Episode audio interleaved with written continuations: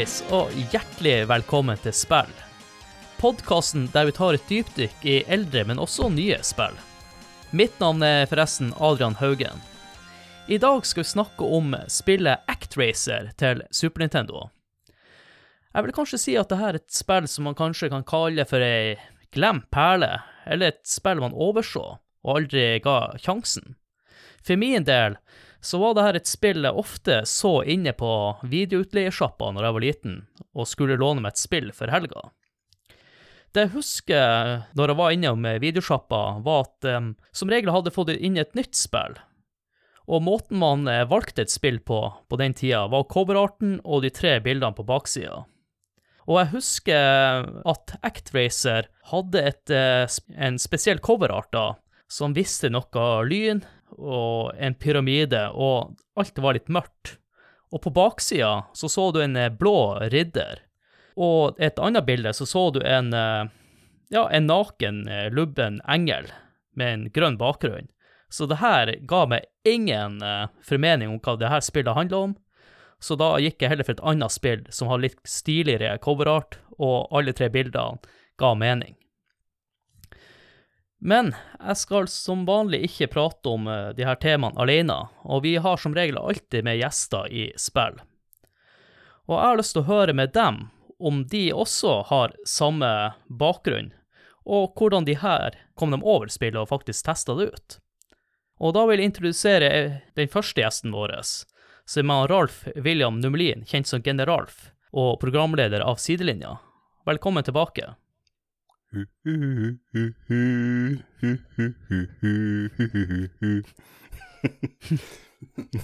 Jeg måtte ta soundtracken. Hei, hei, hei, og um, ja, det er meg. Ja, tilbake igjen. Har du samme erfaringer med det her spillet? Så du det i videoutleiesjappa, eller hvordan begynte du å spille spillet, eller? Jeg har tenkt på det der, men jeg har faktisk ikke kommet fram til et svar. Eh, det har seg bare sånn at vi hadde det. Å, du hadde det? Dere eide det? Ja, ja, ja, ja, ja vi eide det. Eh, men hvordan vi kom til å eie det, I don't know. Jeg husker at det var jævlig vanskelig. Så det, ba, det ble at eh, broren min, som var el fem år eldre enn meg, han spilte, eh, og så eh, satt jeg og så på og peka 'Å, må bygge der, må bygge der'. Vi trodde jo at vi bygga, altså. Ja, ja. Men, eh, vi gjorde jo ikke. Så, så, så ja, vi hadde det, og runda det da vi var småtasser. Jeg ble jo eh, imponert nå at du faktisk eide det, for det her er et sånt spill jeg tenker at ingen har eid. Eh, du kommer sikkert til det senere, men det er veldig få som har kjøpt det her. Eh, og da tenkte jeg at ja, jeg er en av dem. Det er ikke bare oss to, Ralf. Vi har med en tredje gjest, som egentlig ikke så lenge siden han var med, men når dere hører episoden her, så er det kanskje litt lenger siden. Fordi at jeg har ikke fortalt til dere at denne episoden blir kanskje utgitt på et senere tidspunkt. For det har seg slik at nå i høst så skal både jeg og Håkon drive på med oppussingsarbeid. Så det her er sånn backup hvis vi ikke får spilt inn andre episoder. Men denne episoden blir nok garantert utgitt nå i løpet av høsten. Dere skal i hvert fall ikke flytte, si. Nei, det skal vi ikke. som en viss person fra sidelinja skal. Jeg må introdusere Karsten Solheim fra podkasten Domo Arigato Anime Podcasto. Velkommen tilbake. Ja, god dag. Det var ikke lenge siden sist, og eh, jeg er overraska over at eh, dere ikke er blitt lei min stemme pga. de tre episodene vi spilte inn på rappen. Du var med på Castlevania-episoden, som eh, er bare én episode siden. Vi tok opp tre episoder. Men for de som hører på, så er det gått noen flere episoder imellom. Men jeg sa jo feil navn på podkasten din, så du kan jo få lov til å fortelle lytterne hva den egentlig heter. Den heter The Casual Anime Podcast, men eh, vi har ikke vært eh, noe aktive i det siste pga. at jeg også skal drive og flytte. Så, eh, så vi står litt på, på vent der. Og dere lagde ikke en backup-episode. Ja, vi, vi har veldig mange backup-episoder som, som jeg ikke har klept. Eh, men ikke noe relevant, så da, da gadd vi rett og slett ikke å, å gjøre det. Var du sånn som meg, som eh, så spill i videoshopper, eller er han bare Ralf som bare eide det?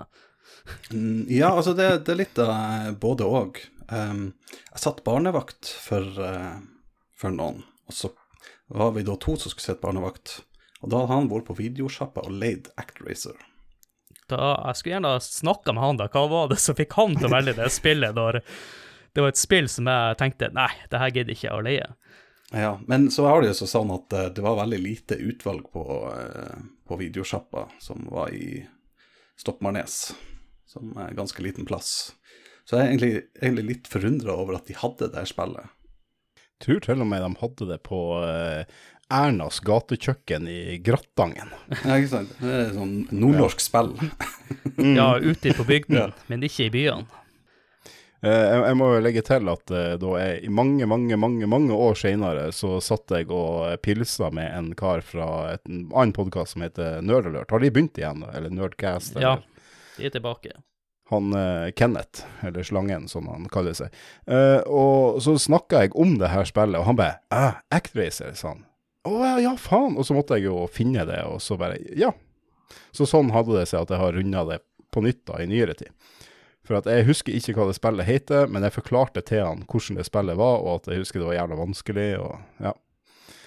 Så eh, Jeg, jeg klarer ikke å huske om vi klarte spillet, men jeg tviler egentlig veldig sterkt. For eh, vi var ikke noe gode i engelsk, og, og hva ei bru heter eller på engelsk, det var, det var ikke noe vi eh, visste. ja, du blir jo bedt om å gjøre en del ting, og så gi en del ting. Ja. Så eh, vi famla mye i blinde, så jeg tror ikke vi klarte å runde det heller. Så endte det vel med at spillet ble da bytta ut. Vi sendte en hundrelapp på det spillet til Akersmik. og, og fikk et annet spill, da. Men, eh, men jeg husker vi, vi syntes det var dritkult det i den stunda vi hadde det, men jeg tror ikke vi runda det. Eh, For de som ikke har spilt ActRacer eller kjenner til spillet ActRacer, hvordan vil du forklare hva det spillet her går ut på? Eh, Det er jo black and white 20 år før black and white kom. Eller er det 20? 10? 15? Jeg ikke. Når kom black and white? Tror ikke aldri jeg spilte det spillet. 90, Ikke? eh, 98, noe sånt? Nei, det kom på 2000-tallet. Det må det ha gjort. Uansett. Eh, det, er, det er en gudesimulator. Eh, og, men samtidig så er det en, så er det en action, eh, sånn plattformerspill. Ja, som gamle Castlevania. Før det ble Metroidvania. Og det er jo akkurat det du sier nå som gjør at spillet skiller seg skikkelig ut fra andre spill på den tida. Vi skal gå nærmere inn på hva ActRacer handler om, og de forskjellige spillmodusene. Men før det så skal vi introdusere neste pauselåt, og det skal han eh, Karsten få lov til å gjøre. Ja, jeg hadde, hadde jo egentlig tenkt å, eh, å ha eh, første stage Fillmore. Men uh, når Ralf uh, nynna så briljant på, på eh, Birth of the People, så, um, som er simulatormusikken, som egentlig du, du får deg til å føles ut som du er Som du styrer Gud. Det er lystig og lekent, og uh, det er noe helt spesielt med den låta. Og du, du hører jo på den i ganske lang tid, egentlig, når du fer og flyr over, eh, over byen din. og musikalsk mesterverk som de da har tatt ifra eh, Bach, eller toner derifra.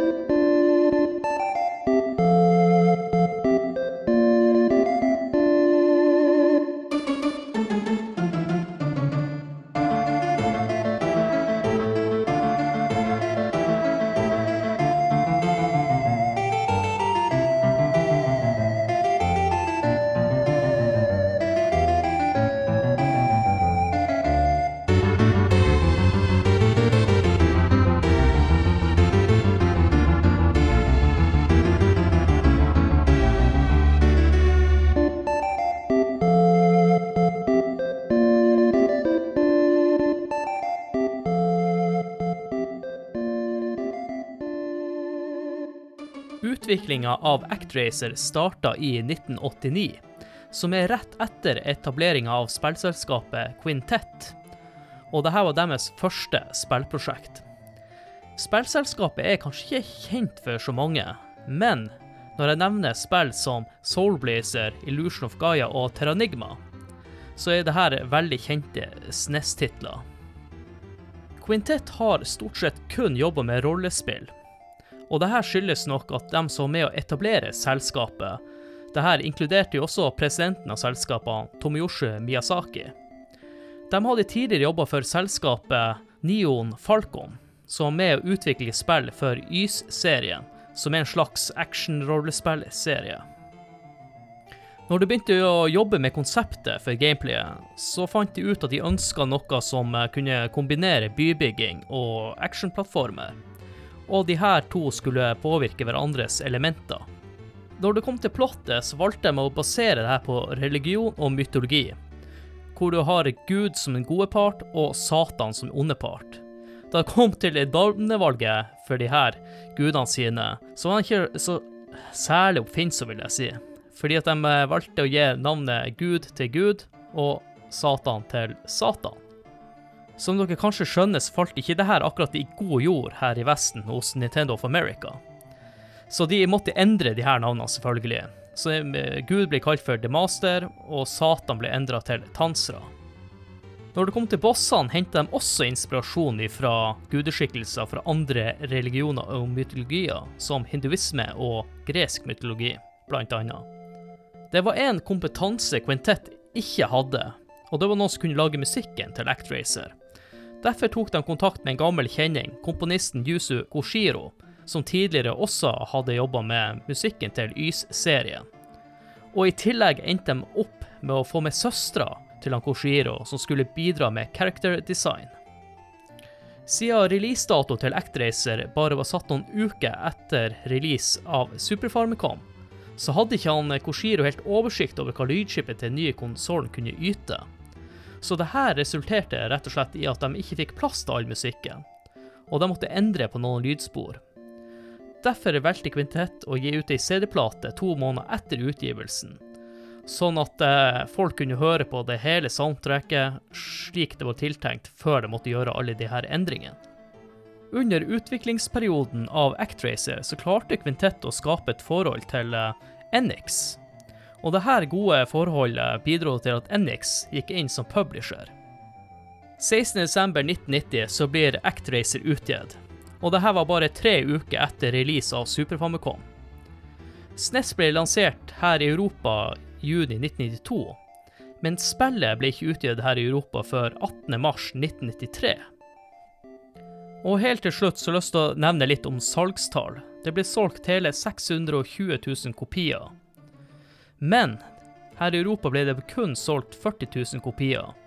Og den største andelen ble solgt i Japan, hvor den solgte hele 400 000 kopier. Og da lurer jeg på, er det noe jeg har fortalt dere noe som var nytt for dere, eller er det noe dere har lyst til å nevne, eller er det noe jeg har glemt å si, rett og slett? Jeg har lyst til å tilføye noe, da.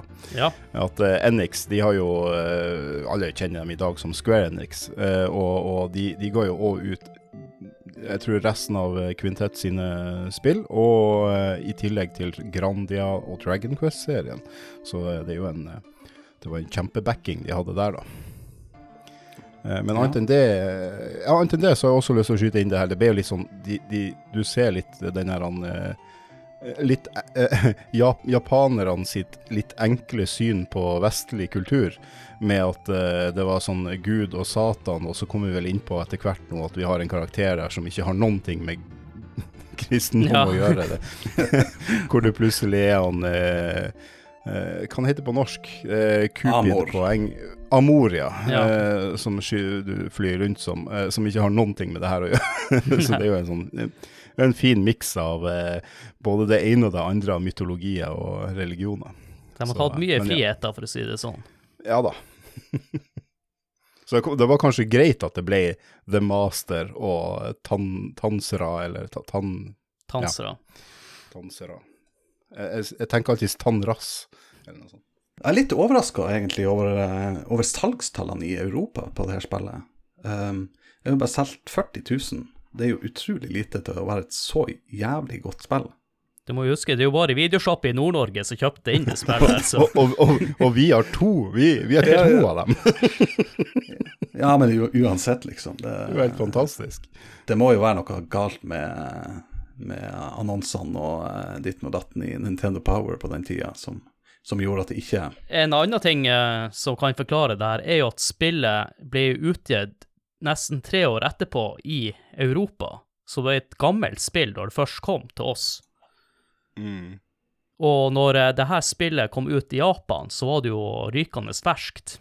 Det kom jo ut samtidig som release, så når folk kjøpte Super Famicomen, så var det jo ikke så mange spill å velge med da. Så jeg tror det også hjalp på salgstallene i Japan. Uh, hvilke andre spill kom ut i 1993? Uh, Secret of Mana? Blant annet. Og jeg liker at du stiller de her eh, vanskelige spørsmålene eh, som ikke kan ta helt på sparket.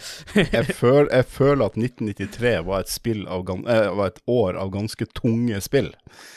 Ja, Final Fantasy 5 kanskje kom. Det er også mulig. Eh, Så jeg mistenker at de, de, det at de ga det ut, ja, det blir to, knappe to og et halvt år, er det da. Desember 90 til mars 93. Mens du holder på å lede oss ut i det store havet, Ralf, så skal jeg roe oss tilbake. Så skal du få Ja, lov ja, til å fortelle litt om eh, plottet til spillet. Ja, eh, låren til spillet, det er jo som vi allerede har vært litt inne på, det er gode mot onde, det er Gud mot uh, Satan, eller, eller master mot uh, tansere, da, som, som det heter her i Vesten. Em, det er i hvert fall uh, Bakgrunnen er at det har vært en krig mellom uh, Gud og Satan. Da. Jeg velger bare å kalle dem det mye lettere. Jeg klarer ikke å si tansere, jeg sier feil hele tida på det. Uh, det har i hvert fall vært en krig mellom Gud og Satan for lenge. Eh, hvor, hvor han Satan med hans hjelpere da har vunnet den krigen og tatt over verden. Verden den er da blitt delt opp i seks, og hjelperne til, til han Satan har da fått lov til å herske over hver sin eh, del, hvert sitt område av denne verden. Eh, Så når du da som eh, Gud da har ligget der og slikka dine sår i, i en, noen år, og er klar til å prøve å slåss på nytt, så merker man jo at du har ingen krefter. Og det er da omtrent spillet starter. Fordi befolkninga har jo slutta å tro på deg, for du, du har vært borte hele tida. Så da er det ut og kjempe mot eh, Satans eh, medhjelpere eh, for å få tilbake eh, trua fra folk, sånn at du får tilbake kreftene dine, og sånn at du til slutt skal kunne gi han Satan skikkelig rundhjuling. Kort fortalt. Når du snakka litt om det plottet, så fikk jeg litt flashback til et annet spill. Jeg skal ikke snakke så mye om det, for jeg hadde en lang episode om det. Jeg nevnte vel Black, Black and White. Nei, Selda Breath of the Wild, det er jo litt sånn. De taper en krig, og så 100 år senere så våkner de opp til liv igjen og må prøve å kjempe mot han Ganon på nytt. Eller klemme til Ja. Ganon. Og det andre jeg har tenkt på, er jo The Master. Jeg får litt sånn eh, BDSM-feeling over det navnet. Så det er jo litt sånn eh, småekkelt eh, navnevalg. Ja, særlig siden hjelperen din er naken. Ja. ja, vi, jeg vil ikke tenke for mye på det akkurat nå, da. og master. Men, eh, men, men ja, eh, det er jo mange spill som er denne her, greia her, og, og igjen da, det er derfor jeg nevnte Black and White. Eh, og, og for at det er jo det gudespillet som, som, som kom på 2000-tallet en gang. Der har du samme. Du er en gud, du skal, du skal få folk til å tro på deg for at du skal kunne banke de andre gudene. Der er det vel Ja. flere guder der, da, ikke bare én. Ikke, ikke bare han Tykje sjøl. Men eh, det var han uh, Molyneux som laga Black and White, var ikke det? Ja, Molineux. Og han uh, laga jo før det Populus, som er nesten akkurat samme greia, til Amiga, og de porta det vel til Snes òg, som var Ja, en ja. skikkelig dårlig port. Og han har laga Hva det heter det? De Xbox-eksklusive spillene. Eh, som ble I hvert fall det første ble superpopulært. Så kom det i toa og trea og litt sånn meh. Og så klikka han helt, og så skulle han aldri mer lage spill eller snakke med media. For han lyver så jævla mye. Han uh, kommer med visjonen sin Og så blir jo aldri spillet det han tenkte på. Men uh, det er et sidesprang. Ja. For det spesielle med spillet her, når du starter spillet, så blir du egentlig bare kasta rett inn i en uh, introsekvens. Hvordan det, Ja. han uh, Cupid uh, gir en liten briefing på ting. Etter det så blir, må du eh, vel automatisk dra ned til filmår, hvor du starter i en uh, 2D-plattformsekvens. Men før vi snakker om 2D-plattformsekvensene, så tenkte vi kan først snakke om simuleringsdelen, som er den delen du tilbringer mest tid i. Ja. Ja. Og her går det rett og slett ut på at du skal eh, Det er masse fiender på det kartet, og de har eh, spånområder. Så din oppgave er å få fjerna spawnområdene og få befolkninga til å bygge opp en by. Og ved hjelp av det så får du økt eh, skills, leveling osv. Hva vil si eh, en simuleringsdelen som, for det er jo ikke akkurat en SimCity, for du kan jo egentlig ikke bygge noe. Nei, altså, innbyggerne bygger jo. Du bare bestemmer retninga de skal gå. Eh, det finnes fire monsterplasser i hver akt, eller hver, eh, hver by, bydel du eh, besøkte. Seks eh, typer byer, Mm. eh, som alle har forskjellig eh, landskap. og Du har eh, ørken, du har eh, snø, du har eh, øy, og eh, en, en by har en vulkan. Så du må, du må gjøre ting med. Eh, du skyter de her monstrene som er i eh, layer. Jeg vet ikke helt hvordan man skal oversette. Eh,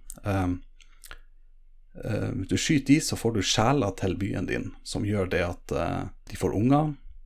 Eh, så du må jo selvfølgelig Det er jo en del venting i, eh, i simmen. Så det, så det er derfor det tar så lang tid, for at de her folkene skal lage unger og populere eh, hele området. Så det blir jo litt feil, på en måte, som man kanskje nevnte litt tidligere, at det er en slags uh, SimCity. For det eneste du gjør der, det er jo, som du sier, å drepe fiender. Du har også muligheten til å påvirke væreffekter. Som eh, at du bruker regn for å fjerne bort eh, ørken, du bruker lyn for å fjerne busker, og eh, du bruker vel sol for å fjerne is. Ja. ja. Men altså, bruke SimCity er jo egentlig det nærmeste du kommer i en, i en sånn uh, sammenligning. Uh, du kan ikke sammenligne det med f.eks. Uh, Warcraft eller Starcraft eller noe sånt, for der har du mye strategi og greier. Her bestemmer du bare retning. I SimCity så bestemmer du også liksom at her kan folk bygge. Det blir liksom bare den ene funksjonen i, Ja. Sim, i, i SimCity, at du uh, bygger her. Uh, bare at i, i, i um, ActRacer så sier du at uh, bygg i den retninga her. Ja. Så da får du en boks som du bare drar over kartet, og, og så bygger folk i den retninga der. Så må du da drive og grinde, rett og slett. Eh, drepe fiender. I starten er det veldig lett, for du bare står over, eh, over den eh, leiren til Eller den spåen der hvor, hvor monstrene kommer ut av, og, og bare bare drepe dem, sånn at du får sjeler, og så at folk kan begynne å bygge. Eh, måten å fjerne leiren på er to måter. Enten kan du skyte så mange fiender, men jeg tror du må drepe langt over 100. Den Ja. enkleste måten det er egentlig å geleide eh, beboerne dine bort til en leir, så de bygger veier, og når de kommer bort til leiren, så virker det som de har en liten sånn eh, summoning-møte, et eller annet, som eh, siler den. Hvordan tror du han eh, Ralf som sa kontinue, eh, be- beseira de der? Sto der og skjøt som en, galning. Ja, det, det og, så, plutselig bare kom folk av en eller annen grunn og, og, og bar rundt de der og, og, ødela dem. Uten at vi helt skjønte hvorfor, for vi, ikke, vi skjønte ikke helt hva som var greia. Men litt av sjarmen på den tida var jo alle de teoriene man kokte opp, fordi man ikke visste hvordan Ja, ja, ja. spillet fungerte. Ja. Ja, jeg husker det var jo noe sånn Ja, men hvis du skyter i den retninga der, da klarer du å treffe den der greia som gjør at den blir ødelagt. Eh, men, men, men altså, ja. Vi visste jo ikke. Vi skjønte jo ikke hva den engelsken hadde. Nei, og, og det gjorde kanskje at spillet varte lenger enn det, det hadde trengt å gjøre. Ja, det, det tror jeg nok eh, Spesielt hvis du står og skyter her eh, det var, det var en fiende som tok åtte skudd eller noe. Ja, de dødninghodene. Dødninghodene. Og når du kommer dit, så er det jo, det er jo Ja. Og, og når du skyter, så sier han pju, pju, piu.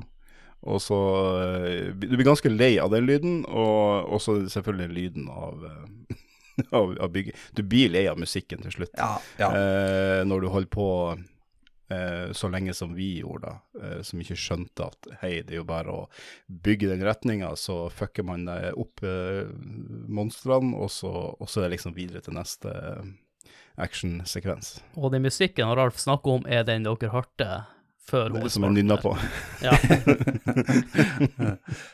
Det var, det var nesten som man skulle, skulle spille liksom hele, altså hele spillet på én bane. Du skulle liksom ha alt gjort. Hele greia skulle være renska for alt.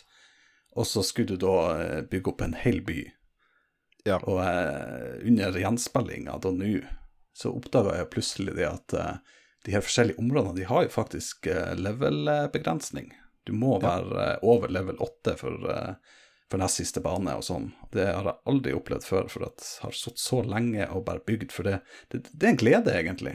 Det, det er Ja, skikkelig ja. koselig. Det var det jeg òg merka, at eh, bare Øy, og jeg, jeg kan jo bare gå videre. Fordi at da, da gidder jeg ikke å drive og bygge her mer, og drive og vente på at de skal liksom den time, For det er en sånn timer som går ned, og så skjer det noe.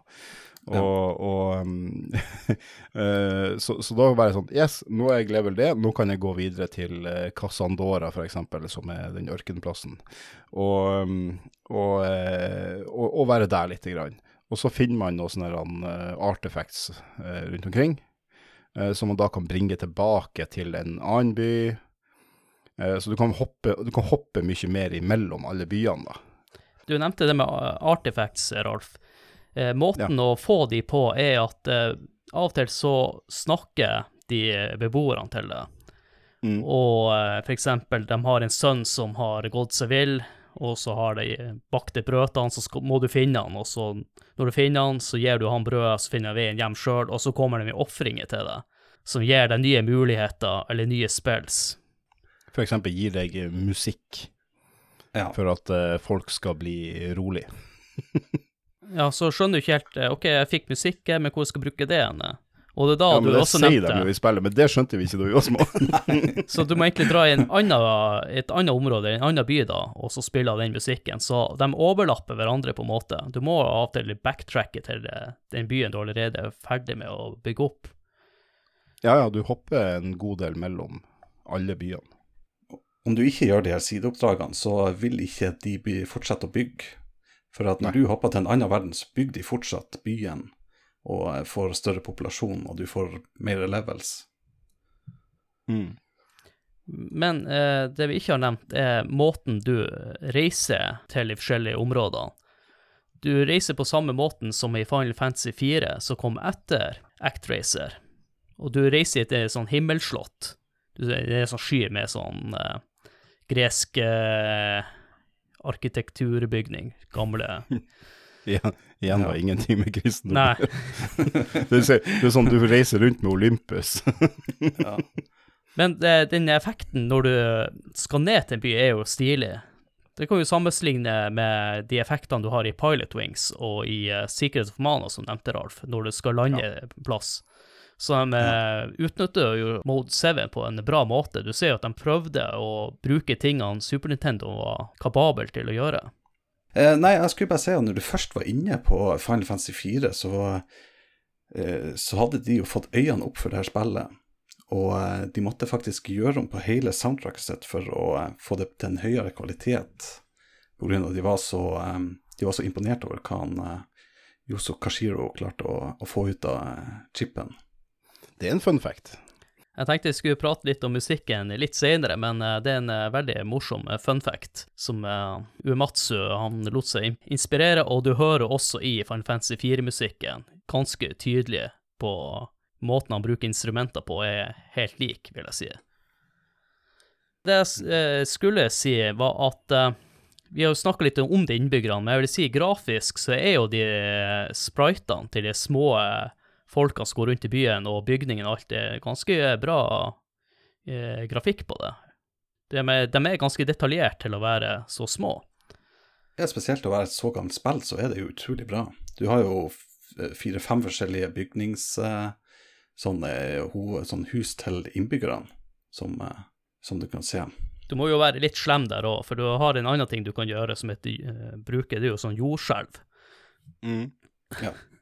Og da må de bygge husene sine på nytt igjen, men da får du bedre hus. Surt for dem, Ja. men eh, det er jo fint at de får opp eh, bygninger. Så ikke så mye verneverdige bygninger i spillet her. Her er bare å få det opp. Det er litt, eh, det er litt interessant egentlig at de, de valgte å gå den veien der de, der de må ødelegge alt for å få det bedre. Men det er vel kanskje også bare for å ja, få spillet til å vare litt. Ja. Så for å lære deg at Herren gir og Herren herren tar. Ja. ja. Vi har jo snakka en del om Engel, men han har jo faktisk en eh, lifebar. Og når du skal utføre mirakler, så bruker du jo sånn eh, magic-poeng. Så du må jo faktisk være litt taktisk og tenke litt om når du utfører ting. Men jeg er litt usikker på Jeg har aldri opplevd det sjøl å miste alle livene som engel, om du må starte på nytt, eller om du bare Ja, det kan jeg fortelle deg om. Ja. Um, for det gjorde jeg faktisk et par ganger. Uh, utrolig nok. Men uh, du, du går bare helt ned til null helt, og så kan du ikke bruke pilene dine. Eller uh, Ja, det er bare pilen du ikke kan bruke. Du kan utføre magi og alt sånn, og så venter du da til neste byggeperiode kommer, så får du halvt liv, eller er fylt opp litt, i hvert fall. Og da kan du Ja, bruke for i, mellomtida kan da eh, De kan jo fucke opp byen din ganske greit. Sånn lenger ut da, når du får de sterkere fiendene. mm. Ja. Så, så de, de skader deg jo ganske mye. De første, de er jo Altså, du må jo gå på dem for at de skal kunne gjøre noe skade på deg. Eh, de, de går jo ikke etter deg, virker det som. De, de første, I hvert fall de første to-tre, kanskje, fiendene som du Ja, møter. er, det er vel fire fiender totalt, tror jeg. Eh, Det er jo de skjeletthaugene som er de verste. Ja, Ja. eh, også de tredje, den tredje, jeg husker ikke helt hva det var igjen. Det kan hende at det er da de begynner liksom å gå litt etter deg. Men det de første med de, de er bare de er flaggermusene og de der han, eh, blå dragene, de gjør veldig lite mot deg, da. Men de, de kan jo ta De, de stjeler jo eh, innbyggerne, hvis du ikke knerter dem. Så kidnapp Eller brenn ned by, byggene. Det vi også må bare snakke litt om, den simuleringsdelen her, vi nevnte tidligere at den påvirker også plattformdelen. Og det påvirker hvor mye liv du har, og magi. Så du får mer liv av hvor eh, Jo flere innbyggere du har i byen din, jo mer liv får du. ja, det er jo level som bestemmer hvor mye liv du får. Um, men så er det jo også at du får eh, eh, hver bane du fullfører, eller uh, spesielle ting, sånn som de sideelementene, eller sidequestene som du gjør. Sånn som han der eh, fyren du fikk med av og sånn. Ja. Så får du eh, spells som du kan bruke i plattformdelen. Hvis du sliter litt i plattformdelen, som vi snart skal snakke om, så er det lurt å gjøre en god jobb i, byen din. Så blir det kanskje litt enklere. Ja, for det er jo så enkelt at jo flere som tror på deg, jo høyere level vil du få. Ja. Før vi går over til plattformdelen, så har jeg litt lyst til å nevne noen forskjeller på den japanske versjonen av dette spillet og den europeiske. I den japanske versjonen så går alt mye saktere i simuleringsmodusen, Det høres veldig slitsomt ut. så der er vi kanskje vært veldig heldige. Og i den japanske versjonen så regenereres ikke SP-poeng. Det vil si de poengene du bruker for å kunne utføre mirakler og vise vei hvor eh, folket skal bygge, da. Er Soul points eller noe sånt. Jeg vet ikke. Så her må du fa farme mer soul points med å drepe de fiendene. Og når det kommer til eh, generering av liv til han engelen, så har de to eh, versjoner forskjellige måter. I den vestlige versjonen så genereres liv etter at byggesyklusen er ferdig, mens den japanske regenereres raskere, og den regenereres hele tida. Så du trenger ikke ta hensyn til at du har fått bygd ferdig noe, eller at beboerne har bygd ferdig noe. Og jeg nevnte jo også jordskjelv for å fjerne dårlige hus. Men i japanske versjonen så må du også tenke deg litt bedre om. For i den vestlige versjonen så fjerner han ikke de, de oppgraderte husene. Mens i den japanske versjonen så fjerner han alle hus. Mm. Og så har de også gjort endringer på maks befolkningstall. Eh, I den japanske versjonen så er det totalt med alle byene 3356, mens i den vestlige versjonen er det 465. Nei, 4652. Ja. Ja. Ta, takk for at jeg korrigerte det. Så uh, i den vestlige versjonen så har du også muligheten til å, å levele deg høyere. enn du har i den japanske, av det her befolkningstallet er så stor forskjell på. Overall, da, hva synes vi de lykkes med i denne modusen, og hva er de lykkes mindre med i denne modusen? Vi kan begynne med det positive først. Det positive er jo eh, at det er artig.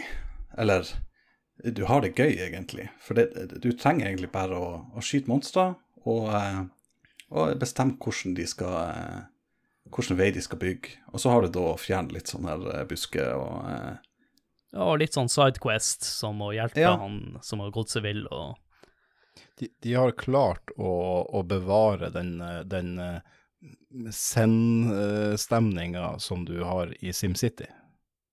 Altså Ja. Grunnen til at folk spiller SimCity, altså ja, det er jo noe strategi, og det er litt artig å se at tingene funker og sånn, men det er jævla avslappende å spille, sant.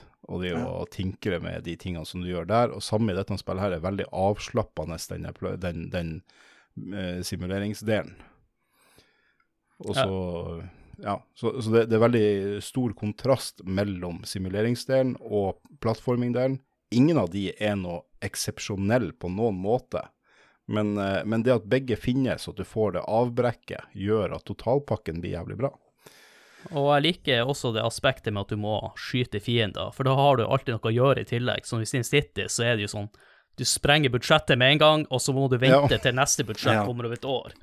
Ja, uh, ja det, det, da har du helt rett. Det er et godt poeng det, at du, du faktisk eh, kan eh, gjøre noe i mellomtida. Men hva er det de lykkes mindre med da i denne modusen? Veldig grunnleggende. Den kunne sikkert vært bitte litt mer uh, kjøtt på beinet. Ja. Og så kunne de jo ha, ha miksa det litt opp. De, det er jo det samme du, du gjør egentlig i alle, alle Ja, deler. bare at i ørken så må du regne Du må bruke regnmagien først, Mm. sånn at det blir mulig Altså du får gress, og så kan folk bygge. Eh, og oppe snøen så må du bruke sola, sånn at du får tina snøen, og så har du gress, og så Det er same same, da. Eh, det jeg, jeg må bare si en positiv ting til, det er jo det at de faktisk De har bygd spillet fra bunnen av til å være på konsoll. Ja, Og det er litt, det er litt viktig, da, sant? for at eh, folk tenker jo tilbake til SimCity 2000 om hvor artig det var med Kom ikke Bowser som en eh, naturkatastrofe eller noe sånt der? jeg tror det er vanlig SimCity som hadde, hadde det. Ja, ja, ja, ja ikke to, selvfølgelig. Ja, vanlig SimCity. Eh, uansett. Men spillkontrollen i det spillet er jo forferdelig i forhold til uh, her, da. sant? For at Ja. det, det, er så vans det er et PC-spill de har laga til konsoll. Jeg må, jeg må jo bare få nevne nevne en, en god ting til. Og det er jo det at du, du kan jo ikke dø. Det, det blir ikke game over i spillet. Uansett hva du gjør, så har du jo muligheten til å hente deg inn. Ja, du er jo gud. Skulle jo faen meg bare mangle. Ja, men da, dere har jo gjort det bra eh, første gangen. Men, eh, Ja, ja, ja. Han har jo ligget og slikka sårene lenge. ja. men, men jeg syns, syns det, så, det, så, det, det er så godt å kunne At du ikke må ta den lange omveien. Nei, det, det, det, det Ja, det Ja. Det hadde jo vært brutalt hvis du har brukt veldig lang tid i byen og så må starte alt på nytt. Tror jeg mange hadde gitt opp. Så det er enig med deg i, Karsten. Men eneste jeg vil si trekker litt ned, er jo at det kan også ta litt for lang tid, denne game-modusen. Ja. kanskje. For å si det sånn, jeg, jeg kunne aldri spilt den japanske versjonen av det her spillet. Nei, det høres helt forferdelig ut. Eh, men da jeg spilte det på nytt, så jeg følte det gikk ganske radig for seg, egentlig. ja. I forhold til det jeg husker. Men det er for at du vet hva du skal gjøre. Er Sånn, der er base, der er, altså, der er en base til eh, monstrene, der, der, der. OK, bygg, bygg, bygg. Og så er det liksom bare kjør på etter det. Og så når du får levelene, så er det bare Å ja, OK, nå kan jeg gå videre. Men jeg tror også det har litt med at eh, med alderen så har man blitt litt mer utålmodig. Ja da. Det, det, det her var et spill vi da Jeg husker ikke hvordan vi fikk det, men eh, vi hadde det nå i hvert fall. Og, og eh, da måtte vi bare spille det. Det var det spillet vi hadde. Man måtte få det til å vare, for det, det var kanskje det spillet du fikk i år. Eller ja, vi hadde jo Super Mario World, det fulgte jo med. Så det hadde vi vel hele tida. Det var ikke veldig mange spillene vi beholdt. De fleste ble jo bytta inn, og så litt penger imellom for at vi skulle få et nytt spill. Vi kunne ikke drive og Det koster 800-900 kroner for eh, Street Fighter eh, 2. Eh, Det var jo, det, det var jo tre måneder med gressklipping og Ja. fisking Ja, det av meg og broren min eh, for å få råd til det spillet. Eh, så, så når du da fikk det et spill, ja, da spilte man det. Det var ingen som tenkte da på det. Det her var et dritspill. Det fantes ikke noe sånn som dritspill da. Men det, er- det er litt interessant å høre at du måtte på fiske. Var det på en sjark, eller var det Nei, nei, nei. Jeg var ute i, ut i, i, i, ja, hva, hva, ja, i en minibuster, en sånn aluminiumsbåt. med, med ja. åtte hesters motor og ut på havet og fiske ja, sei og torsk som vi solgte på gårdene. De må Eh, gjøre som ja, i stad og dra ut med robåten og ro oss i land igjen. For at, eh, vi har jo en eh, plattformdel vi skal også snakke om her. Det er mye fisk i det spillet her. ja. Da vi kommer til plattformdelen, så har jeg litt lyst til å snakke om eh, grafikken og, og karakterdesignet. For det første som slår meg med spillet her, er at de fleste karakterene er ganske, det er ganske store sprites i forhold til andre 2D-plattformere til Super Nintendo. Du kan jo egentlig bare sammenligne det med Castlevania 4, bare for å ta et spill som kommer åtte måneder senere, så er det jo eh, teknisk sett finere, vil jeg påstå. Selv om det er større sprites som gjør at Og litt mindre detaljer. Men eh, fargevalget og alt er jo eh, helt utrolig fint til å være eh, Det ser voldsomt clean ut. Ja, Ja. Ja. Det er så, det er så rent og tydelige farger og ja. Castlevania er jo mer gritty, det skal være sånn. Men igjen da så ser det litt mer shabby ut, ja. eh, sånn rent grafikkmessig. En annen ting jeg la merke til nå, da når vi gjorde litt research til episoden her, er jo bakgrunnene er jo fantastisk. Det er ikke noe man legger merke til med en gang man sitter og spiller men når man begynner først å fokusere på bakgrunnene, så er det utrolig bra detaljer i dem. Der ble jeg ganske imponert og med tanke på at en av de første Super Nintendo-spillene der ute, at de fikk til det der. Og samme er er jo med fiendedesignet. Det er ganske originale fiender og bra detaljer på det. Og så er de jo veldig flinke til å det, eh, Som vi nevnte tidligere, at uh, hvert område har et forskjellig tema, så de er veldig flinke å spille på de temaene også, som har jo litt, gjort litt research rundt det her, med hvordan fiender de har eh, implementert i spillet. ja. Men eh, vi må jo snakke om hva er det som trigger de her plattformsekvensene. Det er jo første gang du kommer til eh, et område, så går du jo inn i akt én og slåss da mot en lav, laverestående boss. Du blir, jo, du blir jo sendt ned i, som en sjel i en statue. Ja, en, en gammel eh, ja, champion, rett og slett. Ja, det, det er liksom en miks mellom en eh, knight og uh, en, viking, nesten, vil jeg påstå.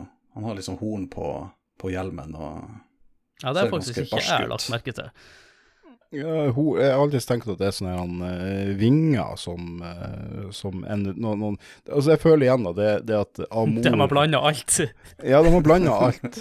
Uh, Du har Gud og Satan, og så ble det eh, igjen da, det er kanskje bra at det, som jeg sa, det, det er bra at de kalte det for master og, og tansere. Fordi at eh, det er veldig mye gresk mytologi, føler jeg, i, i mye av det greiene.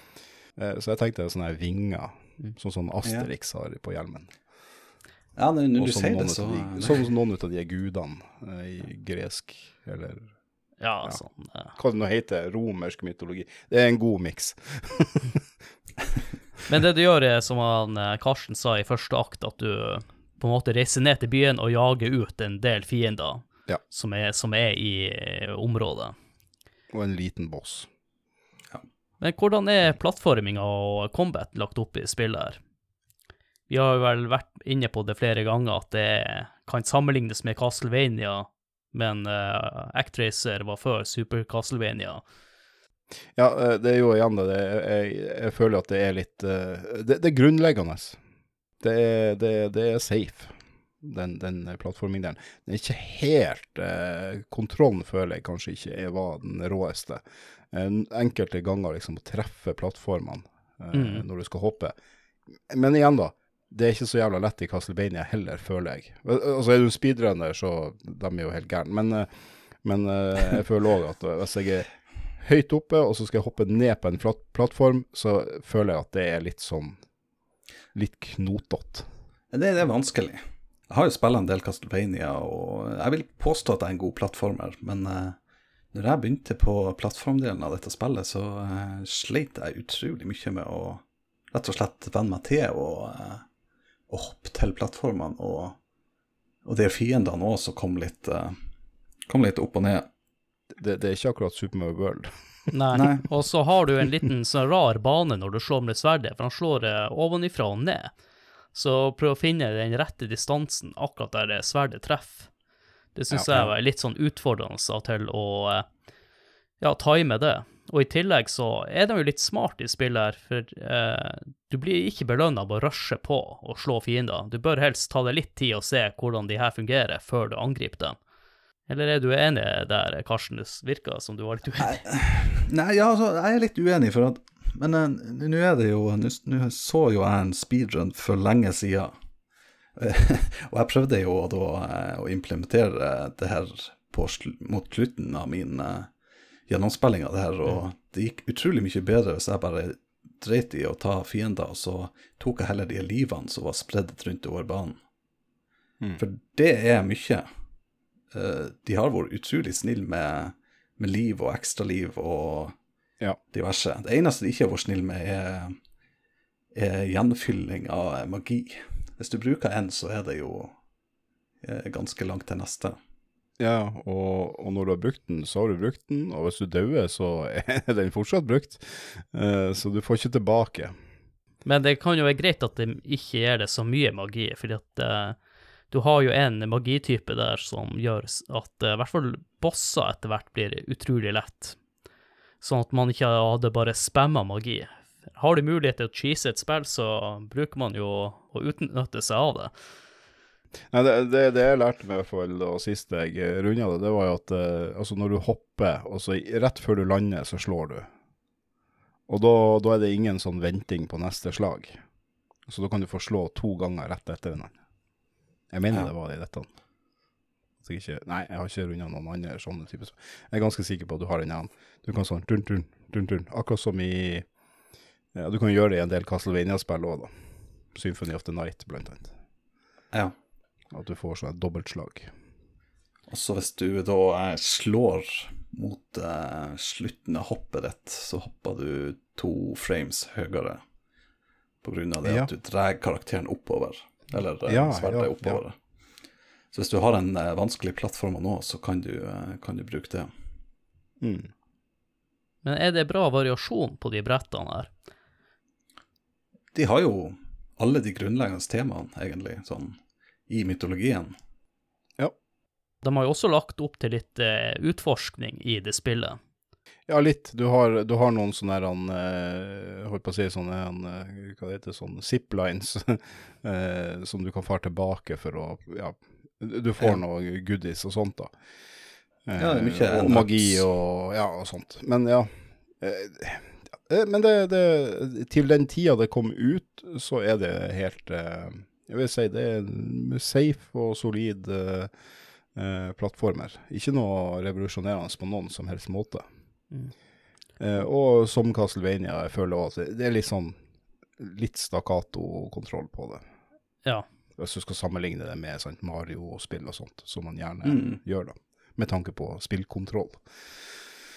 Det er ikke samme tightnessen som i Super Mario World, og det er ikke mange ut av de typer plattformere som har det. Ja, og så er det ikke så lang, de plattformingbrettene heller. Eh, så, så du, du får, som han Karsten sa, du får nok helse og sånn, så du De er greie å komme gjennom. Eh, du føler ikke at du står og sliter på noen av brettene, egentlig, selv om kontrollen er den er, det er litt eh, ja, ja, den er OK. Ja. Eh, men men du, du, du kommer deg gjennom, og, og det er veldig greit.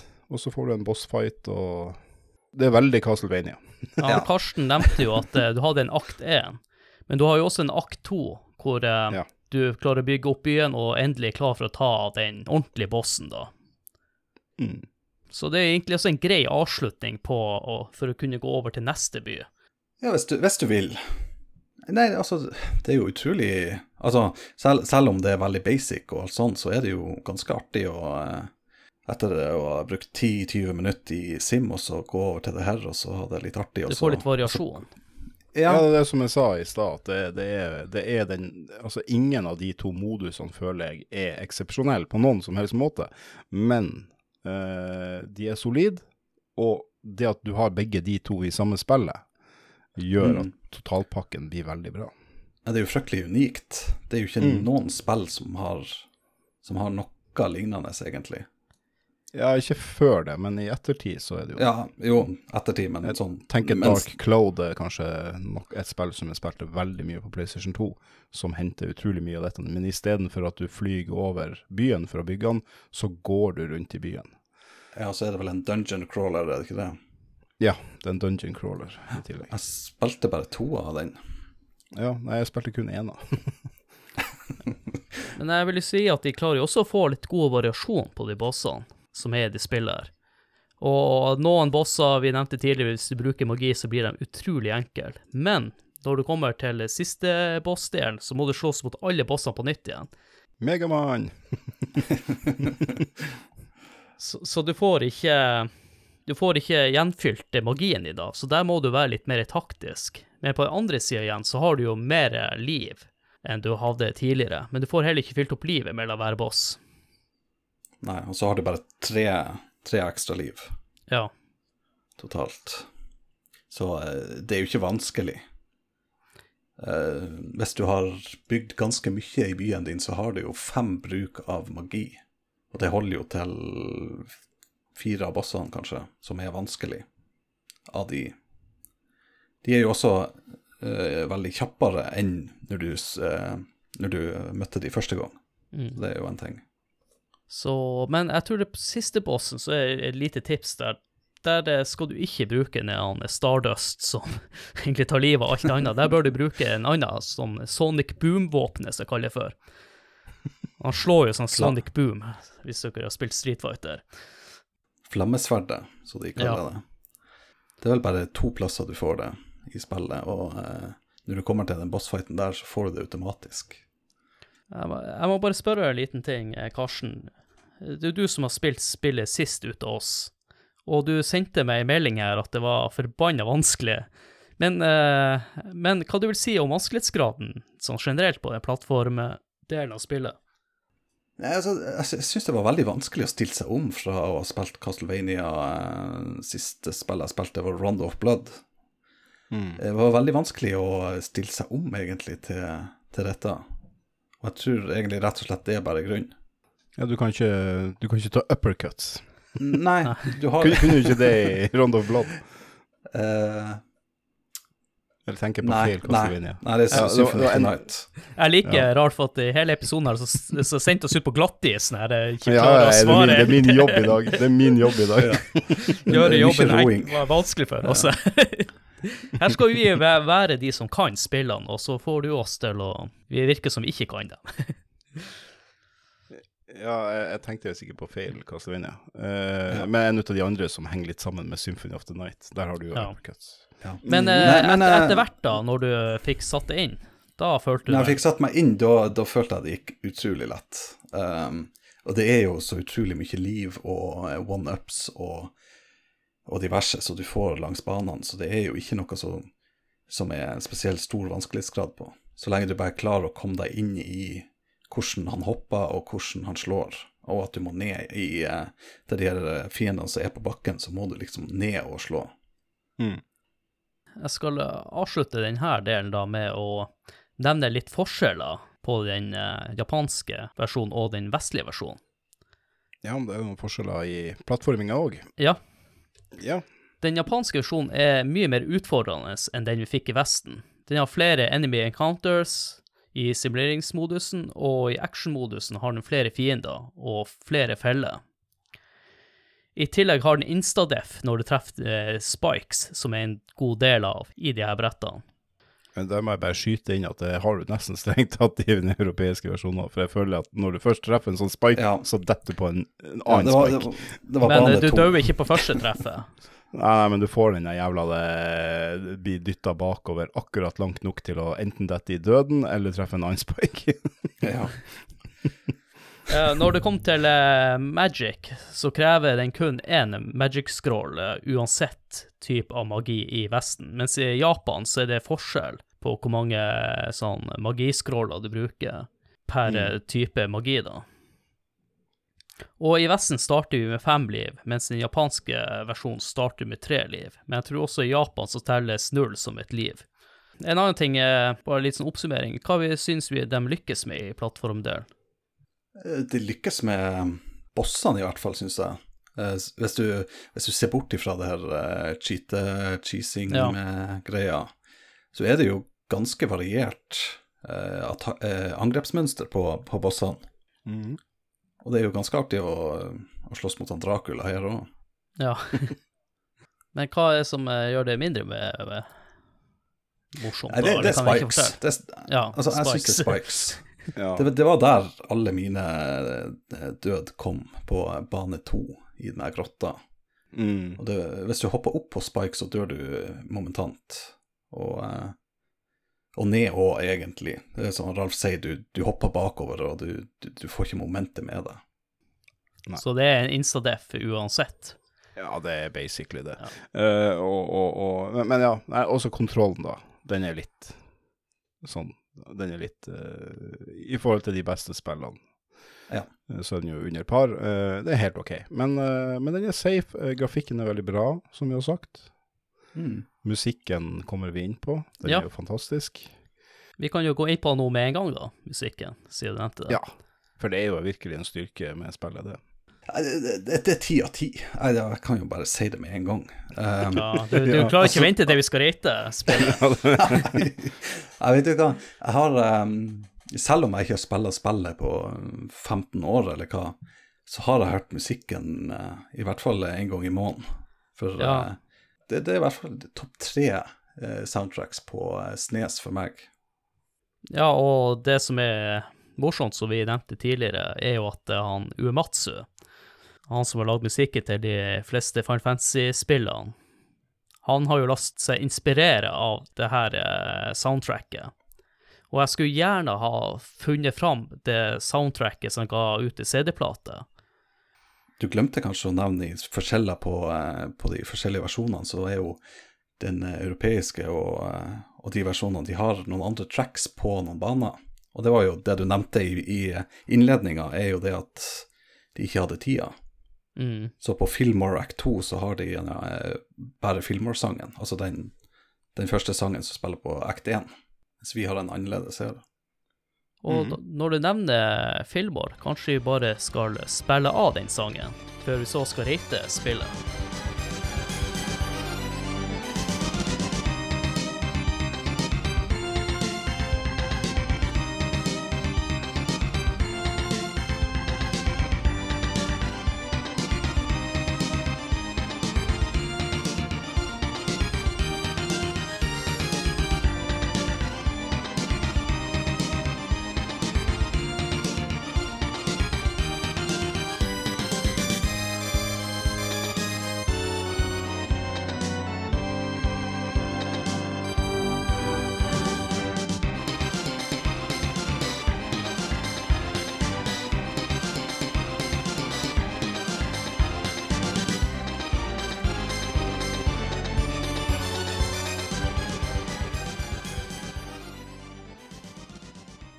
Hørt den fantastiske låta, så er det på tide å rate Actracer. Eh, Jeg må bare si at jeg har ryphu på, eh, på armen nå, etter å ha hørt den låta. Ja, det er, det er helt fantastisk. Det, det, det, det er den beste Castlevania-låta som noensinne er laga, og den er faen ikke et Castlevania-spill engang. Nei. Det, det, det var en nice eh, line. Mm. Men vi skal jo sette karakterer som er henta Eller en karakterskala som er henta fra Nintendo-magasinet. Nå satte dere meg litt ut der, så nå roter jeg mye. Ja, vi setter karakterer etter Nintendo-magasinet sin kriterier og bedømmer spillet etter de her fem punktene. Grafikk, lyd, spillkontroll, underholdning og holdbarhet. Og skalaen vi bruker er fra 1 til 10. Og vi begynner med grafikk, og hva vil du gi der, Ralf?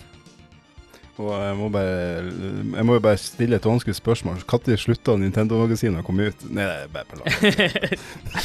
Ja, ja. Nei, grafikk, det får én mm, Skal vi se, det er jo to deler her. Det er litt vrien. Det er ikke en tier. Skal jeg si åtte. Åtte. Enn du, eh, Karsten?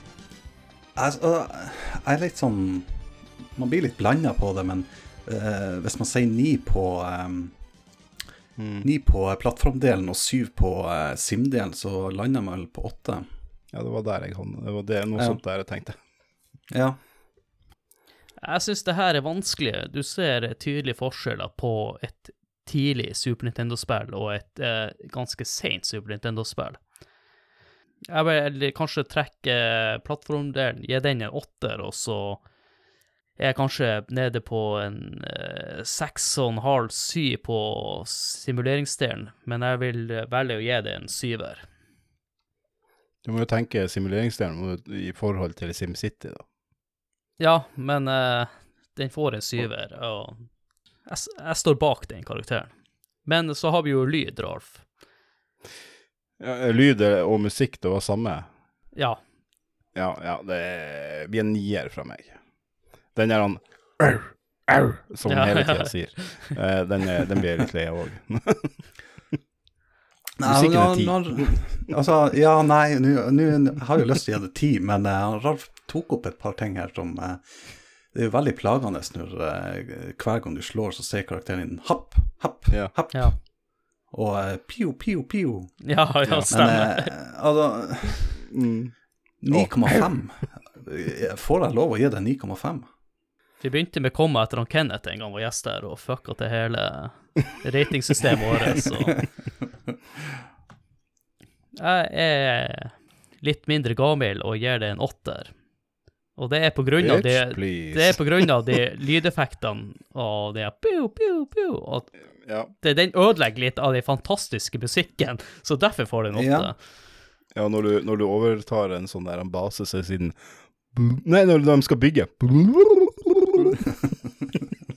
Du skulle nesten tro Ja, er at da, Ralf, hvis det blir en ny politiskolen, så kan du melde deg klar for opptak på audition. Og, så, og, den, og når du river de, når du river de basene, så den uh, lyden, den er den, Ja. den Jeg hadde jo dette på uh, popanlegget mitt på uh, Og da holdt jeg på faen med å ødelegge rommet. Jeg tror vi bare skal gå videre, siden de karakterene blir å dette ned jo mer vi snakker om lydeffekter. Ja, seks, er vi på en sekser? Fem? Nei, Nei, nei. nei, nei. Eh, Spillkontroll, Ralf. Sju. Kontanter. Karsten. Sju. Det er en stund siden jeg spilte, så jeg må bare støtte meg på dere to som spilte for ikke så lenge siden, så jeg gir det også en sjuer. Underholdning, her er jeg litt spent, Ralf. Ja, det er bra. Det, er- det er det der med totalpakken. Uh, det er en åtter eller en nier for meg. Uh, et, jeg, jeg gir en åtter. Jeg er litt streng. Litt grann streng. Men åtte er bra, altså. Ja da. Det, det er jo utrolig bra. Det er Ja. jo eh, Så da kan jo jeg slå til og gi det en nier, som er enda bedre. For, Ja. eh, Justere Ja. karakteren litt. justere. Eh, nei, altså, uh, underholdning er jo kjempebra. Du, det er jo masse forskjellige ting å gjøre, og du, det er jo alltid noe å holde på med om du skyter monster eller plattform. Uh, jada, jada, jada. Mm. Ja, det er, jo, det er jo Ja, men det tenker jeg da går på den neste karakteren vi skal gjøre. Men Adrian, hva du Jeg gir det, det ni, og grunnen til det er at jeg synes eh, spillet er så originalt. De uh, gjør to ting som jeg er glad i, basebygging og slåssing. Jeg er litt glad i den kombinasjonen. Det er egentlig det som også fascinerte meg med spillet, som fikk meg til å teste det ut, da, er at det her spillet skiller seg så ut ifra andre Super Nintendo-spill. Derfor gir jeg en nier, da. Den har mye aspekter som jeg liker. Og underholdning. Nei, holdbarhet. Nei, det er holdbarhet hvordan. Og, Ja. ja, og det er der jeg da vil gi det en uh, kraftig nier. Uh, fordi at uh, ja, det er underholdende til en åtter, men det er underholdende gang på gang på gang, og det er der jeg føler at det trekker Det som trekker opp karakteren, det er jo det her med at du har den variasjonen i spillet. Så, så jeg, jeg holder det litt utenom på underholdning. Ja, og er litt, holdbarheten er eh, også litt hvordan spillere elda seg, og hvordan det har holdt seg opp i dag. Ja, hvor godt har den åtteren holdt seg? Og jeg var kjempeunderholdt. eh, den åtteren holdt seg fremdeles, liksom, i, i år, da jeg Mm. spilte det i år. Ja, nei, jeg er helt, helt enig. Alt han Ralf sier, stemmer på en prekk. Og eh, da er vel uh, nier egentlig uh, veldig bra. Fra meg òg. Ja, jeg har allerede notert ned nieren før du sa det, så Ikke sant? Ja, nei, men jeg er jo litt samstemt i, eh, i det, dag.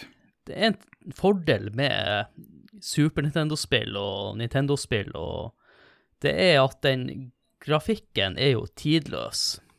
Ja. Eh, Jeg har også filosofert litt på det spillet. her. Det er jo et perfekt pay to win-spill, der du kan eh, betale penger for at simuleringsdelen skal gå fortere, eller betale penger for å få opp noe magi.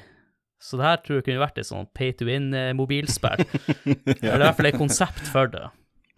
Ja. Actracer Mobile. Ja. Don't do Det er, jo it. fakt Nei, det er jo faktisk ute på mobil, så det, er jo, det holder seg jo litt bra da. Er det det? Ja, ja, ja. Det, det Nei. ligger på AppStore. Jo da. Ja, da, De da prøvde å- Da må jeg søke det med en gang. Ja, da må jo også jeg prøve å finne fram. Det er på Wii-konsoll og på eh, Ja, men vi-konsoll, det er jo litt gammelt nå. Det er Ja. ikke bare bare å finne det fram. Men eh, jeg må jo også gi det karakter 9. Jeg finner det ikke. På det, det, mobilen. det skal være Det skal være der. Kanskje det ikke støtter ny, nyeste IOS. Og Ralf han hiver oss ut på glattisen gang på gang på gang under denne episoden. Når kom, når kom det ut? Og da må jeg hente oss inn igjen på der det ikke er så glatt, og eh, si at eh, måten å støtte spill på er å tipse venner og bekjente som kanskje også er interessert i å høre om spill.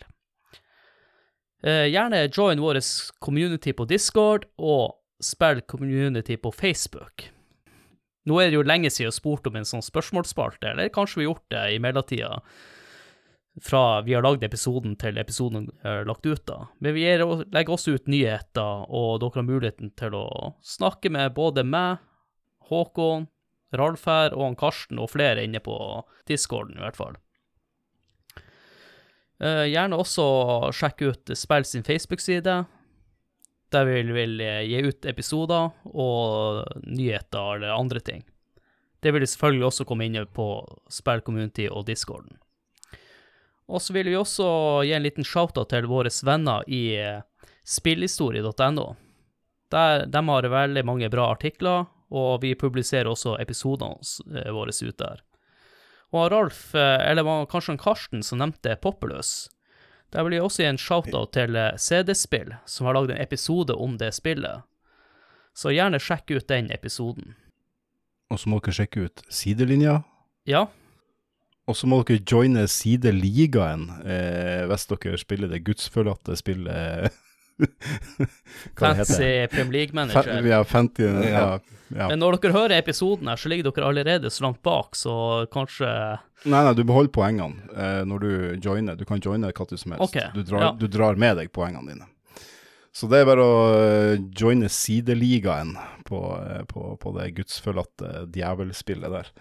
Jeg er sikkert Når dere hører dette, så eh, sitter jeg sikkert og river meg i håret. Ja. Ja. Og jeg har glemt eh, å eh, bytte på laget mitt, så da ja. ligger jeg helt bak. Og jeg har gitt opp. All, du, har, du har hele midtbanen din eh, liggende med, med nok. Ja, rødt, rødt kort på alle. Mm.